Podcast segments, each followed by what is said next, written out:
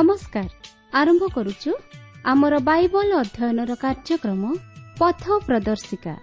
ପବିତ୍ର ବାଇବଲ କହେ ଯଦି ଆମ୍ଭେମାନେ ଆପଣା ଆପଣା ପାପ ସ୍ୱୀକାର କରୁ ତେବେ ସେ ଆମ୍ଭମାନଙ୍କର ପାପ କ୍ଷମା କରିବାକୁ ଓ ସମସ୍ତ ଅଧର୍ମରୁ ଆମ୍ଭମାନଙ୍କୁ ପରିଷ୍କାର କରିବାକୁ ବିଶ୍ୱସ୍ତ ଓ ନ୍ୟାୟବାନ ଅଟନ୍ତି। ଆସନ୍ତୁ ସେହି ଉଦ୍ଧାରକର୍ତ୍ତାଙ୍କର ପରିଚୟ ପାଇବା ନିମନ୍ତେ ଶୁଣିବା ବେତାର କାର୍ଯ୍ୟକ୍ରମ ପଥ ପ୍ରଦର୍ଶିକା।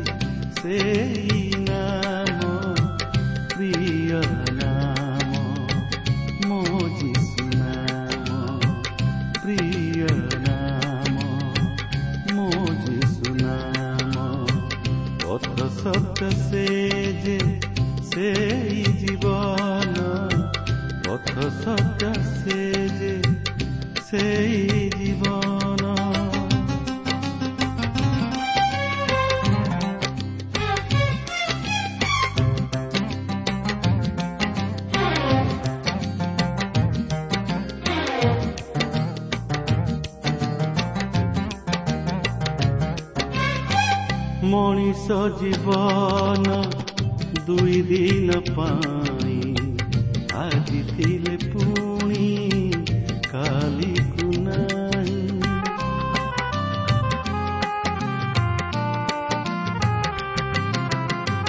ଆସିଛି ମୁଁ ଏକା ଚାଲିଯିବି ଏକା। କରି ସେ ନାମ ନୀତି ଜ୍ଞାନ ସେଇ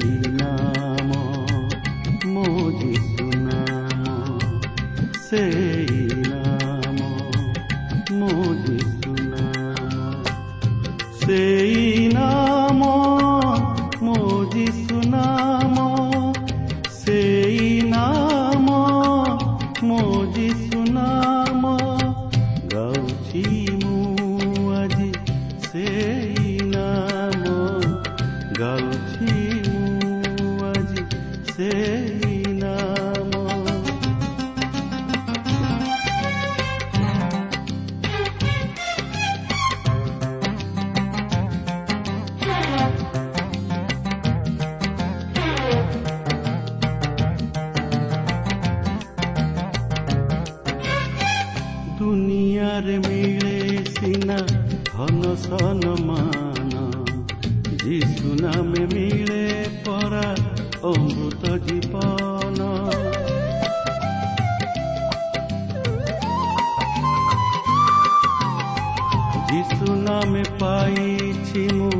ଅନନ୍ତ ଜୀବନ ପୁଣ୍ୟ ନାମ ମୋ ଯୀଶୁ ନାମ ସେଇ ନାମ ମୋ ଯୀଶୁ ନାମ ସେଇ ନାମ ମୋ ଯୀଶୁ ନାମ ସେଇ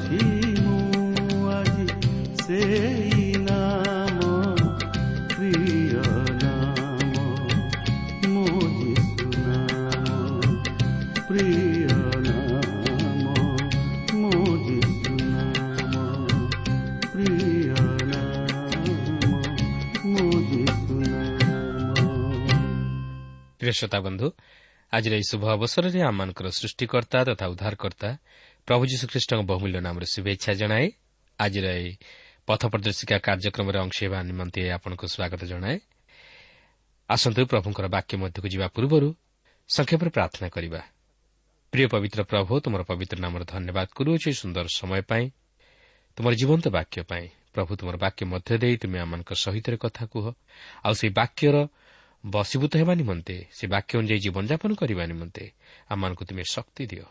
ଯୀଶୁଙ୍କ ନାମରେ ମାଗୁଅଛୁ।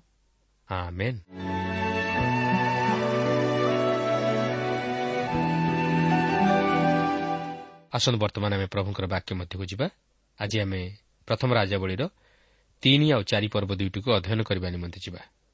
ଗତ ପାଠରେ ଆମେ ଅଧ୍ୟୟନ କରି ଦେଖିଥିଲୁ ଯେ ରାଜା ସଲମନ ଦାଉଦଙ୍କ ପରେ ରାଜସିଂହାସନର ଅଧିକାରୀ ହେଲେ ଓ ସେ ତାଙ୍କର ଘରୋଇ ଶତ୍ରୁମାନଙ୍କୁ ପ୍ରଥମେ ଦମନ କଲେ ଅର୍ଥାତ୍ ଯେଉଁମାନେ ସେହି ସିଂହାସନ ନିମନ୍ତେ ପ୍ରତିବନ୍ଧକ ସୃଷ୍ଟି କରୁଥିଲେ ଓ ତହିଁ ପାଇଁ ଲାଳାୟିତ ଥିଲେ।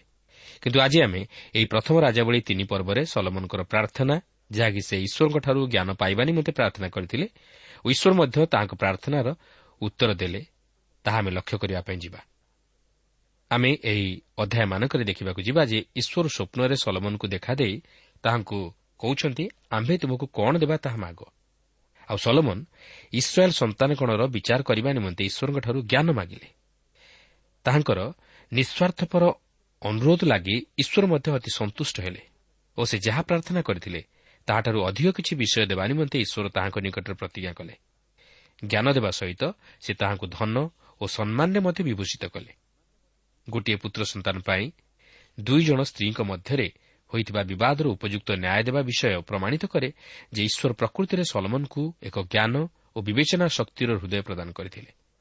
ତେବେ ଦେଖନ୍ତୁ ପ୍ରଥମ ରାଜାବଳୀ ତିନି ପର୍ବର ପ୍ରଥମ ଦୁଇ ପଦରେ ଏହିପରି ଲେଖା ଅଛି। ଅନନ୍ତର ସଲମନ ମିଶ୍ରର ରାଜା ଫାରୋ ସହିତ ଆତ୍ମୀୟତା କରି ଫାରୋର କନ୍ୟାକୁ ବିବାହ କଲେ ଓ ଆପଣା ଗୃହ ଓ ସଦାପ୍ରଭୁଙ୍କ ଗୃହ ଓ ଜିରୁସାଲାମର ଚତୁର୍ଦିଗସ୍ଥ ପ୍ରାଚୀରର ନିର୍ମାଣ ସମାପ୍ତ ହେବା ପର୍ଯ୍ୟନ୍ତ ତାହାକୁ ଆଣି ଦାଉଦ ନଗରରେ ରଖିଲେ। ମାତ୍ର ଲୋକମାନେ ନାନା ଉଚ୍ଚସ୍ଥଳୀରେ ବଳିଦାନ କରୁଥିଲେ କାରଣ ସେ ସମୟ ପର୍ଯ୍ୟନ୍ତ ସଦାପ୍ରଭୁଙ୍କ ନାମ ଉଦ୍ଦେଶ୍ୟରେ କୌଣସି ଗୃହ ନିର୍ମିତ ହୋଇନଥିଲା। ଦେଖନ୍ତୁ ସଲମନ ରାଜା ହେବା ପରେ ସେ ପ୍ରଥମେ ମିଶ୍ରର ଫାରୋଙ୍କର କନ୍ୟାକୁ ବିବାହ କଲେ। ଏହାଦ୍ୱାରା ସେ ମିଶ୍ର ସହିତ ଏକ ସମ୍ପର୍କ ସ୍ଥାପନ କଲେ। କିନ୍ତୁ ସଲମନ ବିଜାତିଆ ସ୍ତ୍ରୀମାନଙ୍କୁ ବିବାହ କରିବା ଦ୍ୱାରା ବଡ଼ ଭୟଙ୍କର ଭୁଲ କଲେ। ଶେଷରେ ସେ ସେମାନଙ୍କ ଦ୍ୱାରା ବିପଦଗାମୀ ହେଲେ। ତେବେ ଦାଉଦଙ୍କ ପରି ସଲମନଙ୍କର ସେପରି ଆତ୍ମିକ ସାମର୍ଥ୍ୟ ଈଶ୍ୱରଙ୍କ ନିମନ୍ତେ ନଥିଲା କିମ୍ବା ଈଶ୍ୱରଙ୍କ ନିମନ୍ତେ ସେ ଦାଉଦଙ୍କ ପରି ବ୍ୟାକୁଳ ନଥିଲେ କିନ୍ତୁ ସେ ଯାହା ହେଉନା କାହିଁକି ସଲମନ ତାହାଙ୍କ ଜୀବନରେ ନିଜର ଦୁର୍ବଳତା ସବୁକୁ ବୁଝିପାରିଥିଲେ। ସେ ଫାରୋଙ୍କର କନ୍ୟାକୁ ବିବାହ କରିବା ପରେ ସଦାପ୍ରଭୁଙ୍କ ନିକଟକୁ ଯାଇ ତାହାଙ୍କଠାରୁ ଜ୍ଞାନ ମାଗିଥିଲେ। ଦାଉଦଙ୍କ ରାଜ୍ୟତ ପରେ ଏକ ଶିଥିଳୀକରଣର ସମୟ ଦେଖାଦେଇଥିଲା। ଲୋକମାନେ ଉଚ୍ଚସ୍ଥଳୀମାନଙ୍କରେ ବଳିଦାନ ଉତ୍ସର କରିବାକୁ ଲାଗିଲେ ଯାହାକି ପ୍ରକୃତରେ ପ୍ରତିମା ପୂଜା ତଥା ଦେବପୂଜା ସଦୃଶ ଥିଲା। ଏହା ସେମାନଙ୍କର ପ୍ରତିମା ପୂଜା ଆଡ଼କୁ ଫେରିଯିବାର ବିଷୟକୁ ପ୍ରକାଶ କରୁଥିଲା। ଆସନ୍ତୁ ଦେଖିବା ସଲମନ କିପରି ଈଶ୍ୱରଙ୍କଠାରୁ ଜ୍ଞାନ ପାଇବା ନିମନ୍ତେ ପ୍ରାର୍ଥନା କରୁଅଛନ୍ତି ଯାହାକି ତିନି ପର୍ବର ତିନି ପଦ ଓ ଚାରିପଦରେ ଲେଖା ଅଛି। ପୁଣି ସଲମନ ଆପଣା ପିତା ଦାଉଦଙ୍କର ବିଧି ଅନୁସାରେ ଆଚରଣ କରି ସଦାପ୍ରଭୁଙ୍କୁ ପ୍ରେମ କଲେ। କେବଳ ସେ ଉଚ୍ଚସ୍ଥଳୀ ମାନରେ ବଳିଦାନ କଲେ ଓ ଧୂପ ଜଳାଇଲେ। ପୁଣି ରାଜା ବଳିଦାନ କରିବା ନିମନ୍ତେ ଗିବିଓନ୍କୁ ଗଲେ କାରଣ ତାହା ବଡ଼ ଉଚ୍ଚସ୍ଥଳୀ ଥିଲା। ସଲମନ ସେହି ଯଜ୍ଞବେଦୀ ଉପରେ ଏକ ସହସ୍ର ହୁଁ ବଳି ଉତ୍ସର୍ଗ କଲେ। ସଲମନ ପ୍ରକୃତରେ ମୂର୍ତ୍ତିପୂଜକମାନଙ୍କ ବେଦୀ ଉପରେ ବଳିଦାନ ଉତ୍ସର୍ଗ କରିବାକୁ ଇଚ୍ଛା କରୁଥିଲେ ଯାହାକି ଦାଉଦ କେବେ ହେଲେ ତାହା କରିନଥାନ୍ତେ ଯଦିଓ ସଲମନ ଈଶ୍ୱରଙ୍କୁ ପ୍ରେମ କରୁଥିଲେ ମାତ୍ର ସେ ଦାଉଦଙ୍କ ପରି ନଥିଲେ। ସଲମନ ଯଦିଓ ଦାଉଦଙ୍କ ବିଧି ଅନୁଯାୟୀ ଚାଲୁଥିଲେ ମାତ୍ର ତାହାଙ୍କ ଜୀବନରେ ଏକ ଛୋଟ ତ୍ରୁଟି ରହିଯାଇଥିଲା ଯାହାକି ଆମେ ଏଥିପୂର୍ବରୁ ଦେଖିସାରିଛୁ ଯଦ୍ୱାରା ସେ ଏହିପରି ଭୁଲ କରି ବସିଲେ। ପାଞ୍ଚ ପଦରେ ଆମେ ଦେଖୁ ଯେ ସଦାପ୍ରଭୁ ରାତ୍ରିରେ ସ୍ୱପ୍ନ ଦ୍ୱାରା ସଲମନଙ୍କ ସହିତ କଥା କହିଲେ କିନ୍ତୁ ବର୍ତ୍ତମାନ ଆମେ ସେହିପରି ସ୍ୱପ୍ନ ମାଧ୍ୟମରେ ଈଶ୍ୱରଙ୍କ ସହିତ କଥାବାର୍ତ୍ତା କରିବା ନିମନ୍ତେ ଅପେକ୍ଷା କରିବା ଉଚିତ ନୁହେଁ କାରଣ ବର୍ତ୍ତମାନ ଈଶ୍ୱର ସେହିପରି ସ୍ୱପ୍ନ ମାଧ୍ୟମରେ ଆମ ସହ କଥାବାର୍ତ୍ତା କରିବାକୁ ଚାହାନ୍ତି ନାହିଁ ଯେହେତୁ ସେ ଆଜି ତାହାଙ୍କ ବାକ୍ୟ ମାଧ୍ୟମରେ କଥା କହିବା ପାଇଁ ଚାହାନ୍ତି ତଥାପି ସେ ଚାହିଁଲେ ସ୍ୱପ୍ନ ମାଧ୍ୟମରେ ବା ଦର୍ଶନ ମାଧ୍ୟମରେ ମନୁଷ୍ୟ ସହିତ କଥାବାର୍ତ୍ତା କରିପାରନ୍ତି ମାତ୍ର ମନୁଷ୍ୟର ଇଚ୍ଛା ଅନୁଯାୟୀ ନୁହେଁ। ତେବେ ସଲମନଙ୍କ ସମୟରେ ଈଶ୍ୱରଙ୍କ ବାକ୍ୟ ଲିଖିତ ଆକାରରେ ପ୍ରକାଶିତ ହୋଇନଥିଲା ତେଣୁକରି ଈଶ୍ୱର ସ୍ୱପ୍ନ ମାଧ୍ୟମରେ ତାହାଙ୍କ ସହ କଥାବାର୍ତ୍ତା କରିଥିଲେ କିନ୍ତୁ ବର୍ତ୍ତମାନ ପ୍ରଭୁ ତାଙ୍କର ବାକ୍ୟ ମାଧ୍ୟମରେ ଆମ ସହ କଥାବାର୍ତ୍ତା କରିବାକୁ ଚାହାନ୍ତି ଯେହେତୁ ସେ ତାହାଙ୍କର ବାକ୍ୟ ଆମମାନଙ୍କୁ ପ୍ରଦାନ କରିଅଛନ୍ତି। ଏଠାରେ ବର୍ତ୍ତମାନ ଲକ୍ଷ୍ୟ କରିବେ ସଦାପ୍ରଭୁ ସଲମନଙ୍କୁ କହୁଛନ୍ତି ଆମ୍ଭେ ତୁମକୁ କ'ଣ ଦେବା ତାହା ମାଗ। ତେବେ ସଲମନ କେଉଁ ବିଷୟ ମାଗିବା ପାଇଁ ଯାଉଛନ୍ତି? ଯେକୌଣସି ବିଷୟ ସଲମନ ପସନ୍ଦ କରିପାରିଥାନ୍ତେ ଓ ମାଗିପାରିଥାନ୍ତେ। ସେ ହୁଏତ ଦୀର୍ଘାୟୁ କିମ୍ବା ଐଶ୍ୱର୍ଯ୍ୟ କିମ୍ବା ଶତ୍ରୁମାନଙ୍କର ପ୍ରାଣ ମାଗିପାରିଥାନ୍ତେ ମାତ୍ର ସେ ବୁଦ୍ଧିର ସହିତ ଚିନ୍ତା କରି ତାହାଙ୍କର ଯେଉଁ ଅଭାବଟି ଥିଲା ତାହା ମାଗୁଛନ୍ତି। ଯାହାଦ୍ୱାରା ପ୍ରମାଣିତ ହୁଏ ଯେ ଈଶ୍ୱରଙ୍କଠାରୁ ଜ୍ଞାନ ପାଇବା ପୂର୍ବରୁ ତାହାଙ୍କର କିଛି ମାନବୀୟ ଜ୍ଞାନ ଥିଲା। ଯେତେବେଳେ ସଦାପ୍ରଭୁ ତାହାଙ୍କୁ କହୁଛନ୍ତି ଆମେ ତୁମକୁ କ'ଣ ଦେବା ତାହା ମାଗ? ସେତେବେଳେ ସେ ଜାଣିପାରିଥିଲେ ଯେ ସଲମନଙ୍କ ଜୀବନରେ ଅନେକ କିଛି ବିଷୟର ଅଭାବ ରହିଅଛି ଓ ତାହାଙ୍କର ଯେତିକି ଦରକାର ତହିଁରୁ କମ୍ ରହିଅଛି। ବର୍ତ୍ତମାନ ସେ ସଲମନଙ୍କ ଜୀବନ ମାଧ୍ୟମରେ କିଛି କରିବାକୁ ଚାହାନ୍ତି। ଦେଖନ୍ତୁ ଏହି ରାଜା ଧନ କିମ୍ବା କ୍ଷମତା ମାଗିପାରିଥାନ୍ତେ। ମାତ୍ର ତହିଁ ପରିବର୍ତ୍ତେ ସେ ନିଜର ଅଭାବ ବିଷୟରେ ଜ୍ଞାତ ହୋଇ କ'ଣ ମାଗୁଛନ୍ତି ଲକ୍ଷ୍ୟ କରନ୍ତୁ। ତିନି ପର୍ବର ଛଅ ପଦରୁ ନଅ ପଦ ମଧ୍ୟରେ ଆମେ ଦେଖୁ ଯେ ସଲମନ ଏଠାରେ ସେହି ଦାୟିତ୍ୱଭାର ବହନ କରିବା ପାଇଁ ନିଜକୁ ଅତି ଅଯୋଗ୍ୟ ମନେ କରୁଅଛନ୍ତି। ସେହି କାର୍ଯ୍ୟ ତୁଲାଇବା ନିମନ୍ତେ ସେ ନିଜକୁ ଅସମର୍ଥ ବୋଲି ବିଚାର କରୁଅଛନ୍ତି। ତାହାଙ୍କ ପିତାଙ୍କ ପରି ସେ ଯେ ଜଣେ ସୁଦକ୍ଷ ଶାସକ ହୋଇପାରିବେ ତାହା ମଧ୍ୟ ସେ ଭାବୁନାହାନ୍ତି। ମାତ୍ର ସେ ଏତିକି ଜାଣନ୍ତି ଯେ ଯେଉଁ ଈଶ୍ୱର ତାହାଙ୍କ ପିତାଙ୍କୁ ସମର୍ଥ କରାଇଲେ ସେ ମଧ୍ୟ ତାହାଙ୍କ ପୁତ୍ରଙ୍କୁ ସମର୍ଥ କରାଇବେ। ସେ ଅନୁଭୂତିରେ ନିଜକୁ ଜଣେ କ୍ଷୁଦ୍ର ବାଳକ ବୋଲି ବିଚାର କରୁଅଛନ୍ତି। ଏତେ ବଡ଼ ଗୋଷ୍ଠୀକୁ ଶାସନ କରିବା ନିମନ୍ତେ ସେ ନିଜକୁ ଅଯୋଗ୍ୟ ବୋଲି ବିଚାର କରୁଅଛନ୍ତି। କିନ୍ତୁ ଆଜି ଅନେକ ଈଶ୍ୱରଙ୍କ ଭକ୍ତ ତଥା ସେବକମାନେ ଅଛନ୍ତି ଯେଉଁମାନେ କି ଈଶ୍ୱରଙ୍କ ସେବା କରିବା ନିମନ୍ତେ ବିଶେଷ ଆଗ୍ରହୀ। ମାତ୍ର ସେମାନେ ସେମାନଙ୍କର ଦୁର୍ବଳତା ତଥା ଅଯୋଗ୍ୟତା ବିଷୟରେ ବା ସେମାନଙ୍କର ଆତ୍ମିକ ଜୀବନରେ ଅଭାବ କ'ଣ ରହିଅଛି ସେହି ବିଷୟରେ ଅବଗତ ନୁହନ୍ତି। କିନ୍ତୁ ଆମେ ପ୍ରତ୍ୟେକ ଈଶ୍ୱରଙ୍କ ସେବା କରିବା ନିମନ୍ତେ ଅଯୋଗ୍ୟ। ଆତ୍ମିକ ଜୀବନରେ ଆମର ଅନେକ କିଛି ଦୁର୍ବଳତା ତଥା ଅଭାବ ରହିଅଛି।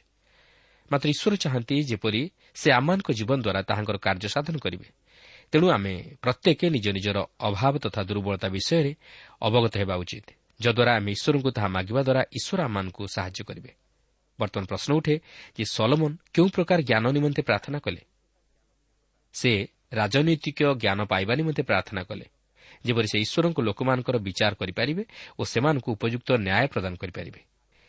କିନ୍ତୁ ସେ ଆତ୍ମିକ ବିଚାର ବୁଦ୍ଧି ନିମନ୍ତେ ପ୍ରାର୍ଥନା କରିନଥିଲେ ହିତୋପଦେଶ ଓ ଉପଦେଶକ ମଧ୍ୟରେ ଆମମାନେ ସେହି ଜ୍ଞାନ ବିଷୟ ନେଇ ଲକ୍ଷ୍ୟ କରିବାକୁ ପାରିବା ଯାହାକି ଆମ୍ଭମାନଙ୍କୁ ଏହି ଜଗତରେ ପରିଚାଳିତ କରାଏ ହିତୋପଦେଶ ଅତି ସୁନ୍ଦର ପୁସ୍ତକଟି ଯାହାକି ଯୁବା ଯୁବତୀମାନଙ୍କୁ ସେହି ଜ୍ଞାନର ମାର୍ଗରେ ପରିଚାଳିତ ହେବା ନିମନ୍ତେ ବିଶେଷ ସାହାଯ୍ୟ କରେ ଯଦିଓ ପରମଗୀତ ଲୋକମାନଙ୍କର ଆତ୍ମିକ ବିଚାର ବୁଦ୍ଧିକୁ ପ୍ରକାଶ କରେ ମାତ୍ର ତାହାଙ୍କର ବାର୍ଦ୍ଧକ୍ୟ ଅବସ୍ଥାରେ ତାହାଙ୍କର ବିଜାତିଆ ସ୍ତ୍ରୀମାନେ ତାହାଙ୍କୁ ଈଶ୍ୱରଙ୍କଠାରୁ ବିମୁଖ କରାଇଲେ। ସଲମନ ଆତ୍ମିକ ବିଚାର ବୁଦ୍ଧି ନିମନ୍ତେ ପ୍ରାର୍ଥନା କରିନଥିଲେ। ମାତ୍ର ସେ ରାଜନୈତିକ ଜ୍ଞାନ ପାଇବା ନିମନ୍ତେ ପ୍ରାର୍ଥନା କରିଥିଲେ ଏବଂ ଈଶ୍ୱର ଏହି ଜ୍ଞାନ ତାହାଙ୍କୁ ତାହାଙ୍କ ଜୀବନର ଅନ୍ତିମ ସମୟ ପର୍ଯ୍ୟନ୍ତ ପ୍ରଦାନ କରିଥିଲେ। ଏହାପରେ ଆମେ ଦେଖୁ ଯେ ସଲମନଙ୍କର ପ୍ରାର୍ଥନାର ଉତ୍ତର ସଦାପ୍ରଭୁ ଦେଲେ ଯାହାକି ତିନି ପର୍ବର ଦଶ ପଦ ଓ ଏଗାର ପଦ ମଧ୍ୟରେ ଉଲ୍ଲେଖ ହୋଇଅଛି। ସଲମନ ଏଠାରେ ଅତି ବୁଦ୍ଧିର ସହିତ ନିଷ୍ପତ୍ତି ନିଅନ୍ତି ଓ ପ୍ରଭୁଙ୍କ ନିକଟରେ ଜ୍ଞାନ ମାଗନ୍ତି। କାରଣ ସେ ନିଜକୁ ଅଯୋଗ୍ୟ ବୋଲି ବିଚାର କରିଥିଲେ। କିନ୍ତୁ ଅନେକ ଲୋକ ଅଛନ୍ତି ଯେଉଁମାନେ କି ନିଜର ଦୁର୍ବଳତା ତଥା ଅଯୋଗ୍ୟତା ପ୍ରତି ଦୃଷ୍ଟି ଦିଅନ୍ତି ନାହିଁ। ମାତ୍ର ସେମାନେ ଉଚ୍ଚ ପଦବୀ ପାଇଁ ଲାଳାୟିତ ହୁଅନ୍ତି ଓ ତାହା ସାଧନ କରିପାରିବେ ବୋଲି ଭାବନ୍ତି। କିନ୍ତୁ ସେମାନେ ପ୍ରକୃତରେ ତାହା ସାଧନ କରିପାରନ୍ତି ନାହିଁ।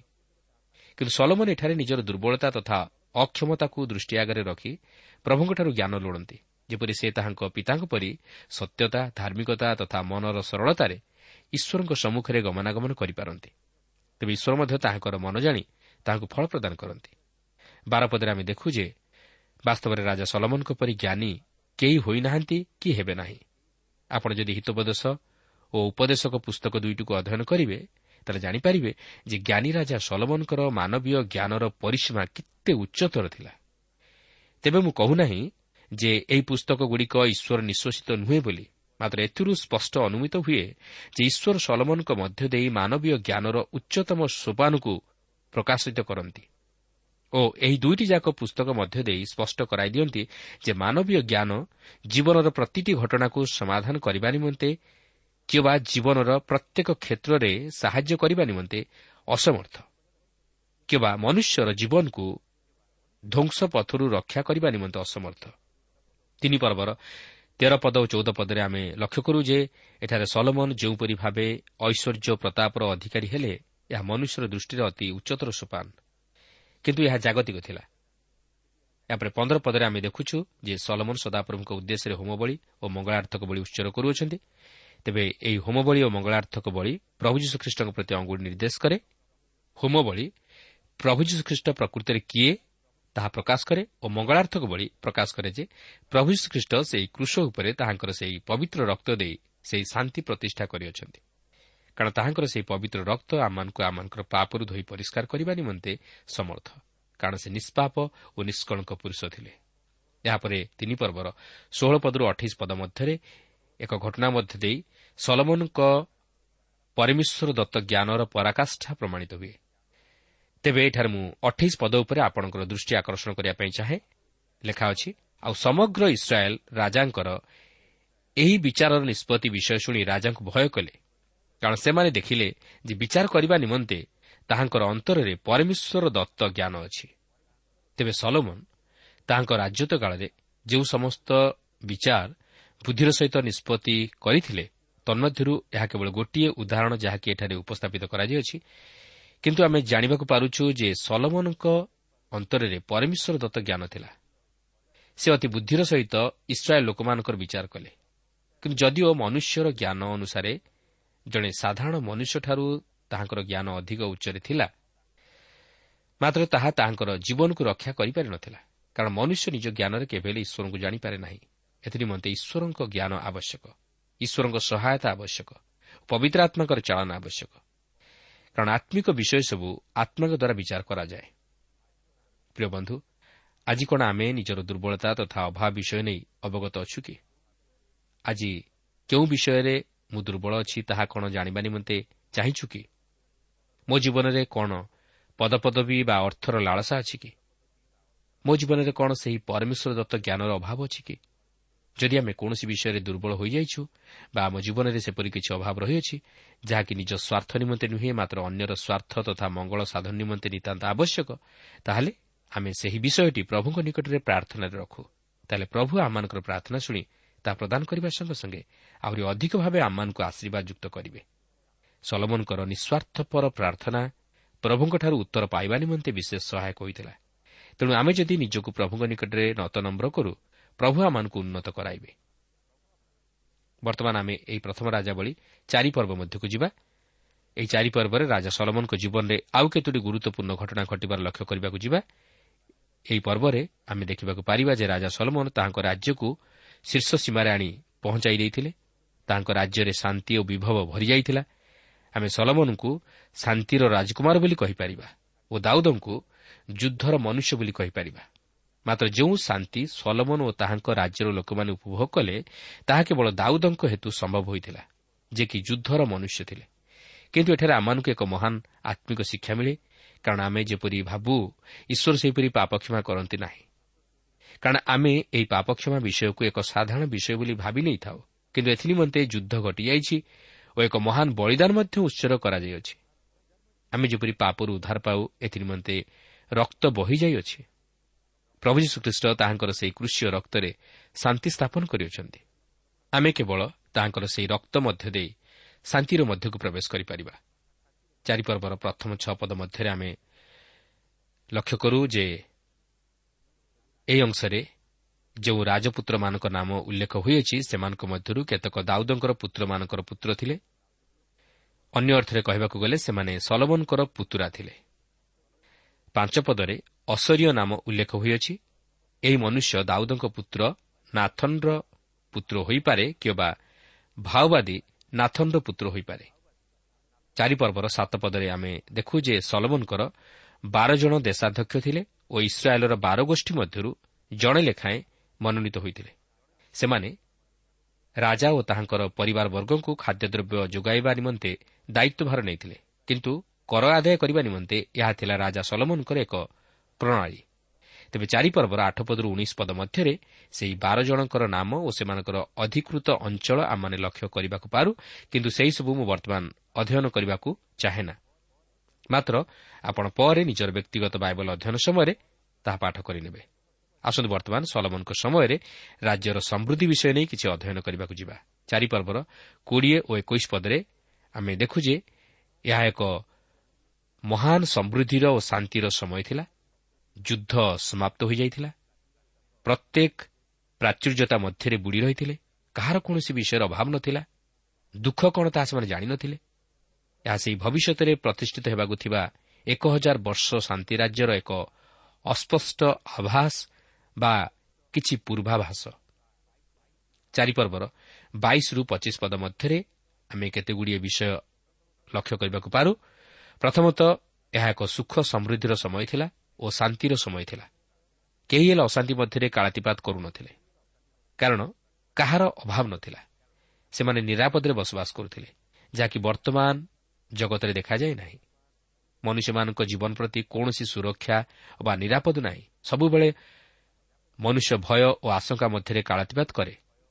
ମନୁଷ୍ୟ ଅଶାନ୍ତି ମଧ୍ୟରେ କାଳାତିପାତ କରେ। କାରଣ ଏହି ଜଗତ ପାପରେ ଭାରାକ୍ରାନ୍ତ। ସେଥିପାଇଁ ଜିସାୟ ସତାବନ ପର୍ବର ଏକୋଇଶ ପଦରେ ଲେଖା ଅଛି ଆମ୍ଭର ପରମେଶ୍ୱର କହନ୍ତି ଦୁଷ୍ଟମାନଙ୍କର କିଛି ହିଁ ଶାନ୍ତି ନାହିଁ। କିନ୍ତୁ ଏହି ଜଗତକୁ ଶାନ୍ତି ଆସୁଅଛି ଯେତେବେଳେ କି ଶାନ୍ତିର ରାଜକୁମାର ଆଗମନ କରିବେ। ରାଜା ସଲମନଙ୍କ ସମୟରେ ପ୍ରତ୍ୟେକ ଆପଣା ଆପଣା ଦ୍ରାକ୍ଷଲତା ଓ ଡିମ୍ବୁରି ବୃକ୍ଷ ମୂଳରେ ନିରାପଦରେ ବାସ କଲେ। ତାହା ପ୍ରକାଶ କରେ ଯେ ଜଣେ ଅଟ୍ଟାଳିକା ମଧ୍ୟରେ ବାସ କରୁନଥିଲା କି ଅନ୍ୟ ଜଣେ କୁଡ଼ିଆ ଘରେ ବାସ କରୁନଥିଲା। ପ୍ରତ୍ୟେକ ଲୋକର ଦ୍ରାକ୍ଷାକ୍ଷେତ୍ର ଓ ଡିମ୍ବୁରି ବୃକ୍ଷ ଥିଲା। ସେ ତାହାର ନିଜ ସମ୍ପତ୍ତିକୁ ନେଇ ନିରାପଦରେ ତଥା ଆରାମରେ ଚଳୁଥିଲା।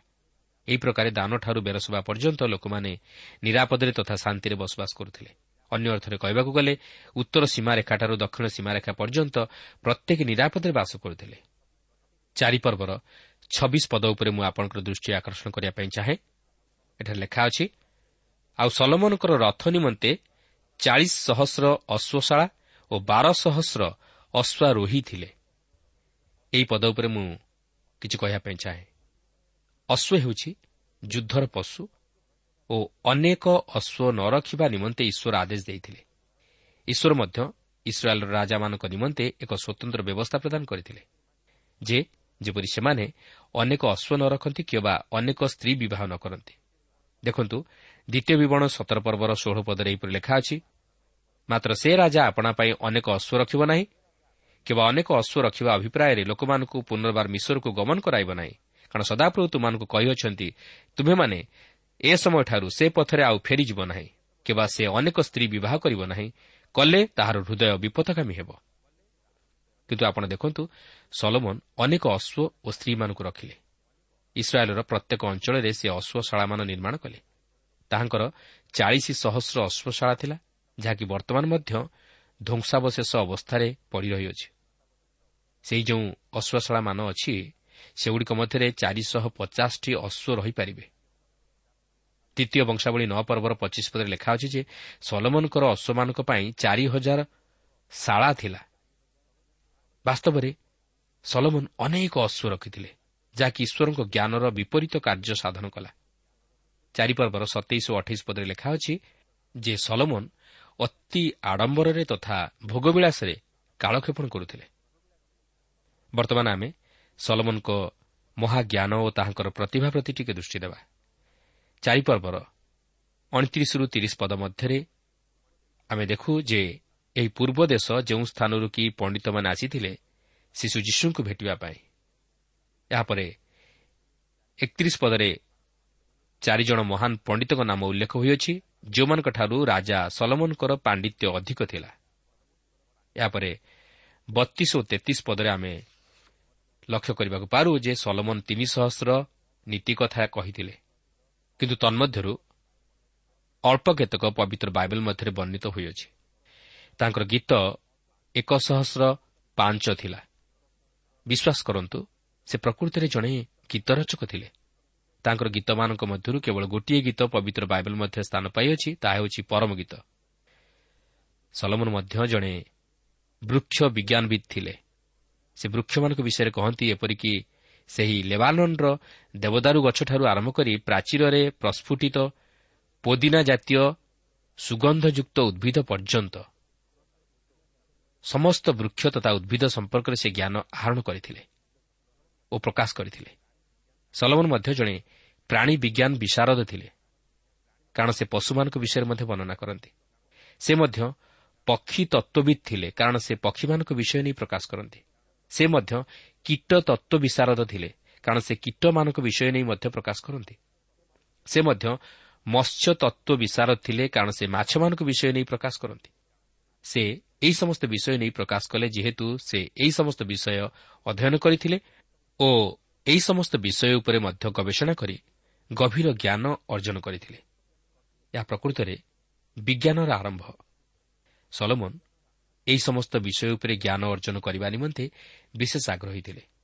ଏହାପରେ ଚାରିପର୍ବର ଚଉତିରିଶ ପଦରେ ଆମେ ଦେଖୁ ଯେ ସଲମନ ସମଗ୍ର ପୃଥିବୀରେ ତାହାଙ୍କର ଜ୍ଞାନ ଓ ଧନ ନେଇ ବିଶେଷ ଖ୍ୟାତି ଅର୍ଜନ କରିଥିଲେ ଓ ଅନେକ ତାହାଙ୍କର ସେହି ଜ୍ଞାନର କଥା ଶୁଣିବା ନିମନ୍ତେ ତାହାଙ୍କ ନିକଟକୁ ଆସୁଥିଲେ।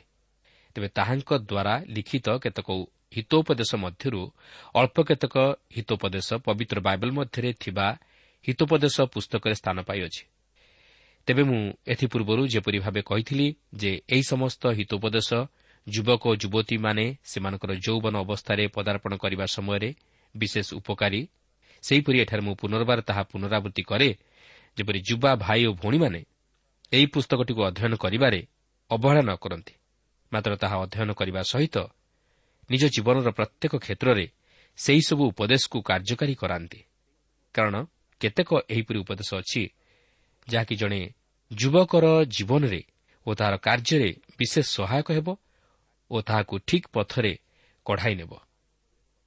ଏହି ସମସ୍ତ ଉପଦେଶ ଆମ ଜୀବନର ପ୍ରତ୍ୟେକଟି କ୍ଷେତ୍ରରେ ପ୍ରତ୍ୟେକ ଘଟଣାରେ ଓ ପ୍ରତ୍ୟେକ ସମୟରେ ଓ ପ୍ରତ୍ୟେକ ପରିସ୍ଥିତିରେ ବିଶେଷ ସହାୟକ ହୋଇପାରିବ। ତେବେ ମୁଁ କହୁନାହିଁ ଯେ ଏହି ସମସ୍ତ ହିତୋପଦେଶକୁ ପାଳନ କରି ତଦନୁଯାୟୀ ଜୀବନଯାପନ କରିବା ଦ୍ୱାରା ଜଣେ ଖ୍ରୀଷ୍ଟ ବିଶ୍ୱାସୀରେ ପରିଣତ ହୋଇଯିବ ବା ପାପରୁ ଉଦ୍ଧାର ପାଇଯିବ କାରଣ କୌଣସି ବ୍ୟକ୍ତି ଏପରି ନାହିଁ ଯେ କି ଏହି ସମସ୍ତ ଉପଦେଶକୁ ଅକ୍ଷର ଅକ୍ଷରେ ପାଳନ କରିପାରିବ। ମାତ୍ର ଏହି ଉପଦେଶ ଅନୁଯାୟୀ ଜଣେ ନିଜର ଜୀବନକୁ ଏକ ଆଦର୍ଶ ମାର୍ଗରେ କଢ଼ାଇ ନେଇପାରିବ ଓ ସେ ଏହି ଜଗତରେ ଏକ ଆଦର୍ଶ ନାଗରିକ ହୋଇପାରିବ ଓ ଈଶ୍ୱରଙ୍କ ଗୌରବ ରକ୍ଷା କରିପାରିବ। ସେ ନିଜର ଜୀବନକୁ ବିନାଶର ପଥରୁ ରକ୍ଷା କରିପାରିବ ଓ ଈଶ୍ୱରଙ୍କ ଆଶୀର୍ବାଦର ଅଧିକାରୀ ହୋଇପାରିବ। କିନ୍ତୁ ପାପରୁ ଉଦ୍ଧାର ପାଇବାକୁ ହେଲେ ଓ ସେ ପରିତାଣର ଅଧିକାରୀ ହେବାକୁ ହେଲେ ଆମକୁ ସେହି ପ୍ରଭୁ ଯୀଶୁ ଖ୍ରୀଷ୍ଟଙ୍କଠାରେ ବିଶ୍ୱାସ କରିବାକୁ ହେବ ଓ ନିଜର ପାପ ନିମନ୍ତେ ଅନୁତାପ କରି ତାହାଙ୍କଠାରେ ସ୍ୱୀକାର କରି ପାପରୁ ଉଦ୍ଧାର ପାଇବାକୁ ହେବ। କାରଣ ପରିତାଣ ହେଉଛି ଈଶ୍ୱରଙ୍କର ଅନୁଗ୍ରହ ଦାନ। ଏହା ଆମମାନଙ୍କର ଧର୍ମକର୍ମ ବା କ୍ରିୟାକ୍ରମ ହେତୁ ନୁହେଁ। କାରଣ ଧାର୍ମିକ କେହି ନାହିଁ ନା ଜଣେ ହିଁ ନାହିଁ। କାରଣ ପବିତ୍ର ବାଇବଲ କହେ ସମସ୍ତେ ପାପ କରିଅଛନ୍ତି ଓ ଈଶ୍ୱରଙ୍କ ମହିମାରୁ ଉଣା ପଡ଼ିଅଛନ୍ତି। ତେଣୁ ଆଜି ଆମମାନଙ୍କର ପାପ ଆମମାନଙ୍କୁ ଈଶ୍ୱରଙ୍କର ସେହି ପବିତ୍ର ସହଭାଗିତାରୁ ବଞ୍ଚିତ କରିଅଛି। ତେଣୁ ଆସୁ। ନିଜର ପାପ ନିମନ୍ତେ ଅନୁତାପ କରି ପ୍ରଭୁ ଶ୍ରୀଖ୍ରୀଷ୍ଟଙ୍କଠାରେ ତାହା ସ୍ୱୀକାର କରି ପାପରୁ ଉଦ୍ଧାରପ୍ରାପ୍ତ ହୋଇ ଈଶ୍ୱରଙ୍କ ସହିତ ପୁନର୍ବାର ସେହି ସହଭାଗିତା ସ୍ଥାପନ କରିବା ନିମନ୍ତେ ଚେଷ୍ଟା କରୁ। ପ୍ରଭୁ ପ୍ରତ୍ୟେକଙ୍କୁ ଏହି ସଂକ୍ଷିପ୍ତ ଆଲୋଚନା ମଧ୍ୟ ଦେଇ ଆଶୀର୍ବାଦ କରନ୍ତୁ।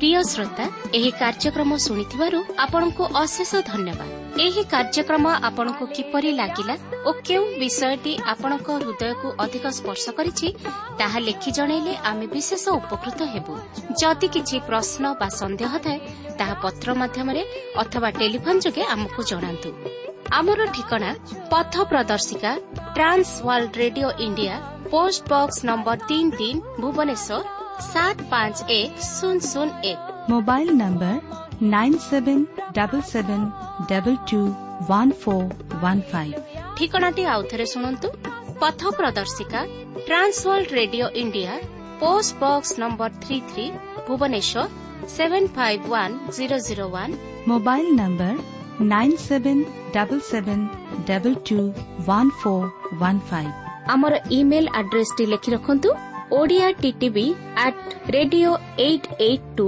dot com ତେବେ ଆଜି ପାଇଁ ଏଠାରେ ରଖୁଛୁ। ନମସ୍କାର।